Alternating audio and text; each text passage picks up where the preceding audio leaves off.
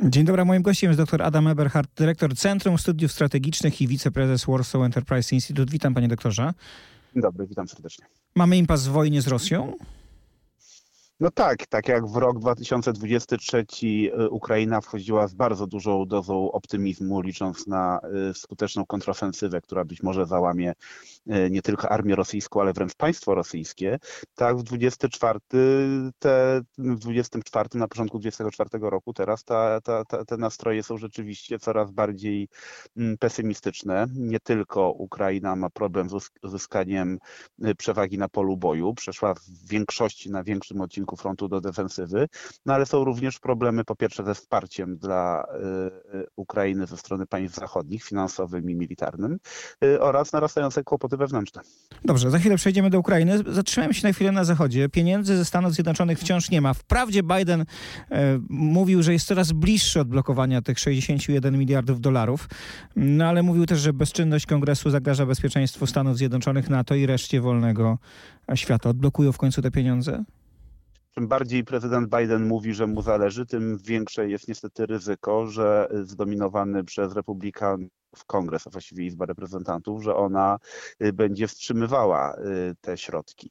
To nie dlatego, że w amerykańskim kongresie nie ma większości dla wspierania Ukrainy. Ona właściwie na takim werbalnym poziomie jest. Natomiast po prostu to są duże pieniądze i y, one stały się zakładnikami ta, ta, pomoc dla Ukrainy stała się zakładnikiem y, wewnętrznej dynamiki y, w Stanach Zjednoczonych. No tak, ale panie doktorze, jeżeli y, polityka wewnętrzna dyktuje wsparcie dla Ukrainy, no to z perspektywy Ukrainy nie ma znaczenia, czy to jest tylko kwestia werbalna, czy też niewerbalna. Pieniędzy nie ma, nie ma broni, nie ma amunicji i jest większy kryzys.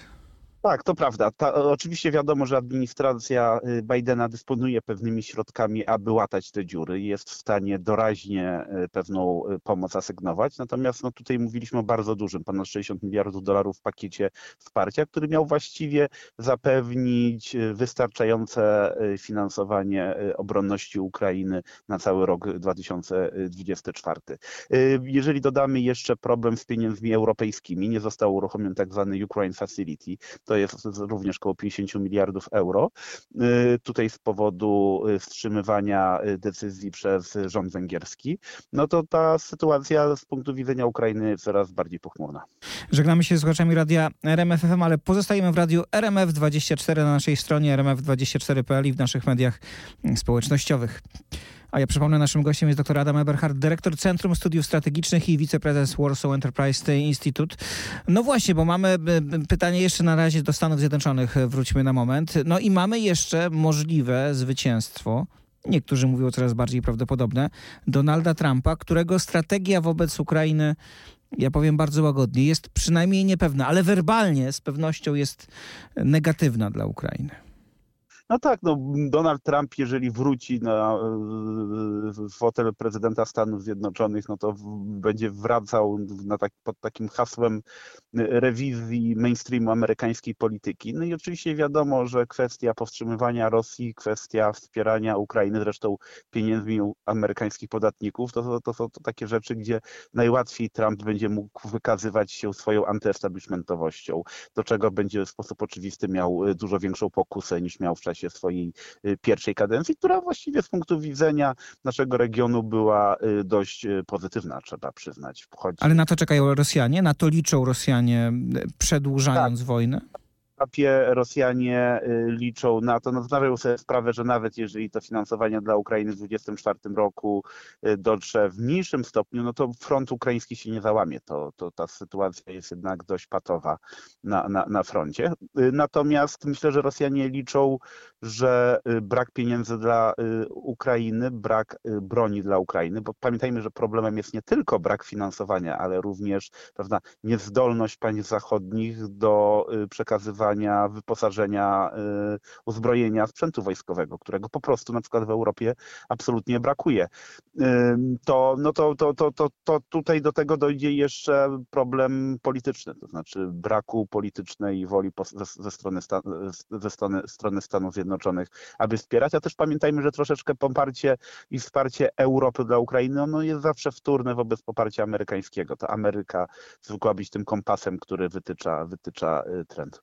Wspomniał pan o problemach z bronią. Niemcy odrzucili właśnie wniosek CDU-CSU w sprawie przekazania Ukrainie pocisków manewrujących Taurus, które, no nie chcę powiedzieć, żeby zmieniły sytuację strategiczną, ale niewątpliwie byłby to ważny gest i ważny element możliwości obrony. A jednak Niemcy i Olaf Scholz nic nie zmienia w tej sprawie. Cały czas jest pełen lęków. Tak, tak. To chodzi o to, że to, to, to byłby sposób na dręczenie y, Rosjan na okupowanym, y, anektowanym y, Krymie. Mam wrażenie, że tego typu ostrzały, czy to Krymu, czy to obszaru Federacji Rosyjskiej przy granicach z Ukrainą, to jest trochę nowy pomysł Ukrainy na tę wojnę. Znaczy nie udało się przeprowadzić kontrofensywy, nie ma widoków na kontrofensywę ukraińską, y, a wiadomo, że zwycięstwo w wojnie, zakończenie tej wojny dla Ukrainy no, wymaga zmian wewnętrznych w Rosji. Tak długo jak stabil, sytuacja jest stabilna, Putin, Putin, Putin kontroluje sytuację, no to wówczas trudno się spodziewać nie tylko rosyjskich ustępstw, ale nawet gotowości do jakichkolwiek y, rozmów. Y, destabilizacja Rosji od wewnątrz na skutek na przykład ataków rakietowych na cele w y, Rosji czy okupowanym Krymie, to, to mogłoby być, to jest jakiś tam pomysł ukraiński na tę Panie wojnę. ale na ile, na ile to przeszkodzi, będzie psuć wizerunek Ukrainy na Zachodzie? Bo wiadomo, że część środowisk politycznych we Włoszech, w Niemczech, może w mniejszym stopniu już teraz we Francji czy w Wielkiej Brytanii, ale najbardziej obawia się właśnie tego, że będą ataki na Rosję i będą y, ofiary cywilne wśród Rosjan. No, tak, no kłopot jest taki, że nie da się pokonać Rosji nie sprawiając jej przykrości. No, a mam wrażenie, że wielu polityków zachodnioeuropejskich tak naprawdę chciałoby y, w odpowiedzi na totalną wojnę Putina przeciwko Ukrainie i właściwie przeciwko Zachodowi, no bo mówimy tak naprawdę o tym, że Rosja ma cele nie tylko ograniczone do Ukrainy, y, próbuje prowadzić taką wojnę albo wsparcie Ukrainy o charakterze bardzo ograniczonym. No i to jest problem, to jest problem y, do, do którego, który Ukraina właściwie od 24 lutego w każdego kolejnego tygodnia próbuje przełamywać, próbuje przekraczać, przesuwać e, czerwone linie niemieckie e, dotyczące tego, co można zrobić, czego nie można zrobić, od tych przysłowiowych hełmów, które początkowo miały być jedynym e, zakresem wsparcia Ukrainy przez Niemcy. Dużo się osiągnęło, to też trzeba uczciwie przyznać, ale apetyty, apetyty może złe słowo, potrzeby ukraińskie są coraz większe jeżeli chodzi, jeżeli chodzi o sprzęt. Y, Rosja się zbroi, Rosja przeniosła zmieniła gospodarkę swoją na tory absolutnie wojenne. Potencjał wewnętrzny ukraiński, gospodarczy temu, temu do tego jest niewystarczający. No, mamy deklarację bardzo mocno Emmanuela Macrona. Francja, trzeba powiedzieć, też przestawiła częściowo swoją gospodarkę w stan wojenny. No i tu widzimy jednak pewną zmianę. Francja jednak e, zdecydowanie po tych wczesnych rozmowach nieustających Macrona z Putinem, teraz o tych rozmowach nie słyszymy. Za to słyszymy ostatnio z ust prezydenta Francji no bardzo mocne wypowiedzi na temat tej wojny. No tak, to wie, wie pan, panie redaktorze, tak naprawdę jakby tak na bardzo na chłodno przyglądać się wypowiedziom niemieckim, to one także się tak naprawdę przeszły gigantyczną e, zmianę w ciągu, w ciągu ostatnich... E, no tak, ale apetyt rośnie w miarę jedzenia potrzeby, do potrzeby, potrzeby, znaczy ta wojna nie jest y, wojną, która by się w ostatnich miesiącach Ukrainie dobrze y, układała. Straty, które poniosła Ukraina na skutek nieudanej kontrofensywy były wielkie. Coraz bardziej narastają problemy wewnętrzne związane z problemami z mobilizacją żołnierza.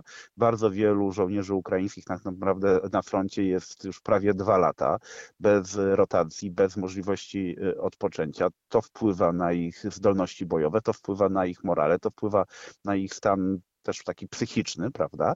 Jest problem z rekrutowaniem y, żołnierzy. Brakuje, to są nie tylko problemy demograficzne, ale to jest też bardzo dużo, dużo, dużo, dużo młodych ludzi, którzy się uchylają, którzy się chowają tak naprawdę po domach, aby, aby, aby nie zostać wcieleni y, do armii. Y, no, to, to, to, to, jest, to, jest, to jest, mam wrażenie, dzisiaj olbrzymi problem Ukrainy. Do tego oczywiście na marginesie kwestie korupcji związanej z armią, ze wspieraniem wojska, kwestie powrotu polityki wewnętrznej na Ukrainie, to znaczy też spory narastające, szukanie winnego za, za brak sukcesu w 2023 roku pomiędzy dowódcą cywilnym a wojskowym, pomiędzy no, z jednej strony prezydentem Zełenskim, a z drugiej strony y, dowódcą sił ukraińskich Załużnym.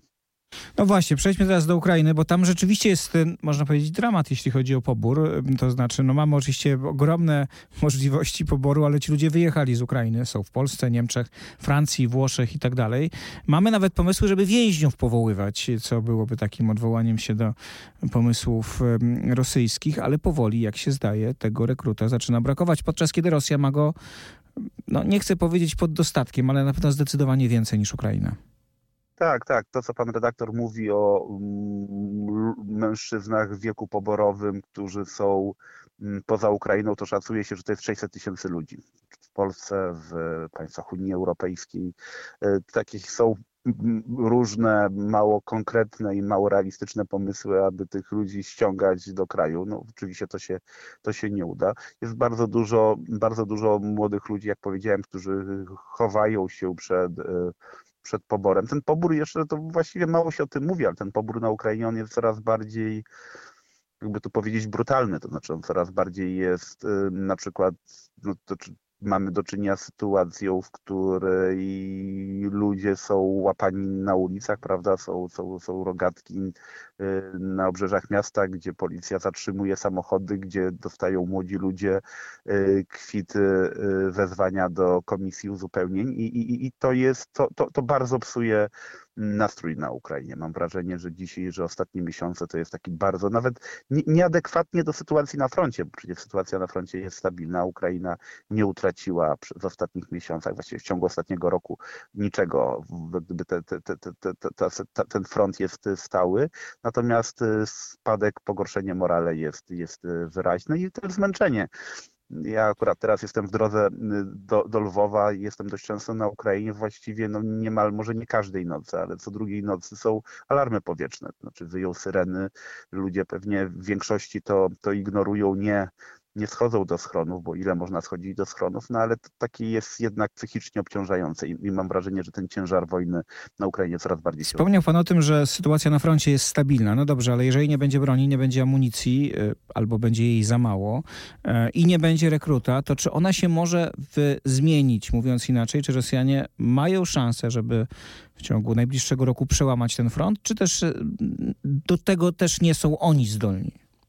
Ta sytuacja na tym etapie, jak powiedziałem, jest stabilna. Ona różnie wygląda na różnych odcinkach y, frontu. Na tym odcinku wschodnim y, obwodu donieckiego y, Rosjanie są w przewadze. Oni, oni, oni, oni, to oni podejmują działania ofensywne.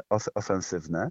Na tym odcinku południowym, czyli obwodu zaporowskiego, hersońskiego, tam, tam więcej działań zaczepnych podejmują ciągle jeszcze y, Ukraińcy, ale też mam takie wrażenie, że nie są to działania zaczepne y, robione z intencją przełamania frontu po stronie, gdyby ze strony ukraińskiej, tylko raczej to są takie działania o charakterze troszeczkę budującym morale i pokazującym, że, że, że, że, że, że walczymy i, i, i umiemy utrzymać y, u, u, pewną, pewną inicjatywę po swojej stronie.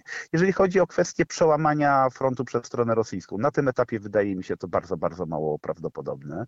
Y, Rosjanie pamiętają nauczyli się, wyciągnęli lekcje z początku wojny przeciwko Ukrainie, z wiosny 2022 roku, gdy postanowili przebijać się na Kijów, gdzie rozciągnęli y, swoje linie, gdzie podnieśli olbrzymie straty, zyskując ostatecznie niewiele, bardzo mało. Myślę, że, że Rosjanie będą ostrożni. Rosjanie są świadomi, że czas gra na ich korzyść na skutek tych wszystkich czynników, o których rozmawialiśmy w ostatnich minutach. I, i myślę, że Rosja będzie ostrożna. To znaczy nie, na, na, tym etapie ja bym w perspektywie najbliższych miesięcy nie spodziewałbym się wielkich yy, kontruderzeń uderzeń yy, strony rosyjskiej. Natomiast, natomiast no, myślę, że będzie takie wyczerpywanie yy, potencjału ukraińskiego. Wyczerpywanie to na koniec jeszcze. Na koniec Ale jeszcze... również mhm. rzecz jeszcze, to znaczy wyczerpywanie zdolności również obrony przeciwlotniczej. To, znaczy to na koniec jeszcze dwa pytania dotyczące samej Rosji. Mieliśmy wypowiedzi ostatnio Władimira Putina, który powiedział, nie zrezygnujemy z zagrabionych, no nie powiedział zagrabionych oczywiście, okupowanych terenów, przejętych od Ukrainy e, terenów. Nie ma takiej możliwości. No ostatnio Dmitrij Miedwiediew, oczywiście można powiedzieć, że jest jastrząb i mało istotny, ale powiedział, obecność niepodległego państwa na historycznych terytoriach Rosji będzie stałym powodem wznawiania działań wojennych? To są deklaracje na twardo, e, czy też trzeba je interpretować jako elementy wojny propagandowej? To znaczy do Miedwiediewa to bym na poważnie w ogóle nie podchodził. On wręcz to też jak gdyby ostatnio sformułował wypowiedź, której powiedział, że w ogóle nie ma żadnych perspektyw dla istnienia państwa ukraińskiego, że, że, że, że, że jakiekolwiek państwo ukraińskie y, istnieć nie powinno, nie może i jest ze szkodą dla Ukraińców, bo wojna będzie permanentna. Natomiast y, ja, znaczy oczywiście, że oczywiście, że oczywiście, że Rosja nie jest dzisiaj zainteresowana y, żadnymi kompromisami, poszukiwaniem kompromisu to jest troszkę gra na różnych fortepianach. Czasami są puszczane sygnały, przecieki do mediów zachodnich, że może Putin byłby gotowy do ustępstw. To ma z kolei zmniejszyć gotowość Zachodu do wspierania Ukrainy, do asygnowania tych różnych środków finansowych na wsparcie Ukrainy. Y, ale z drugiej strony też proszę pamiętać, że y, w Rosji odbywa się, no nie wiem jak to nazwać, no kampania wyborcza to pewnie za, za szumne słowo, no ale Putin musi, musi, musi przeprowadzić Mm, y, tradycyjny plebiscyt związany z tak zwanymi wyborami prezydenckimi, więc on też troszkę więcej teraz uwagi poświęca y, budowaniu swojego wizerunku wewnątrz kraju i ten wizerunek, co ciekawe, bardzo się zmienił na przestrzeni dwóch lat. To znaczy początkowo reżim putinowski ukrywał przed Rosjanami, że toczy się wojna, prawda? To się nazywało, nazywa formalnie specjalna operacja wojskowa i tak dalej. Dzisiaj billboardy, plakaty, retoryka jest absolutnie wojenna. To znaczy y, Putin chwali się tym, że zagrabił terytorium, zawojował, bo tego typu już y, słów używa. Y, pojawiły się w rosyjskich miastach billboardy z wypowiedzią Putina o tym, że Rosja nie ma granic i sama sobie ustala, że nigdzie się granice rosyjskie nie kończą, prawda? To, to pokazuje, to jest też diagnoza stanu rosyjskiego społeczeństwa, które zostało zatrute tym, tym, tą, tą, tą propagandą e, wojenną, mocarstwową i wokół tego próbuje e, budować swoją legitymizację na tym etapie Władimir Putin. To, to, to wieszczy nam długą wojnę, wiele, wiele jeszcze miesięcy. Tym wnioskiem smutnym kończymy. Doktor Adam Eberhard, dyrektor Centrum Studiów Strategicznych i wiceprezes Warsaw Enterprise Institute był naszym gościem. Bardzo dziękuję za rozmowę. Dziękuję za zaproszenie.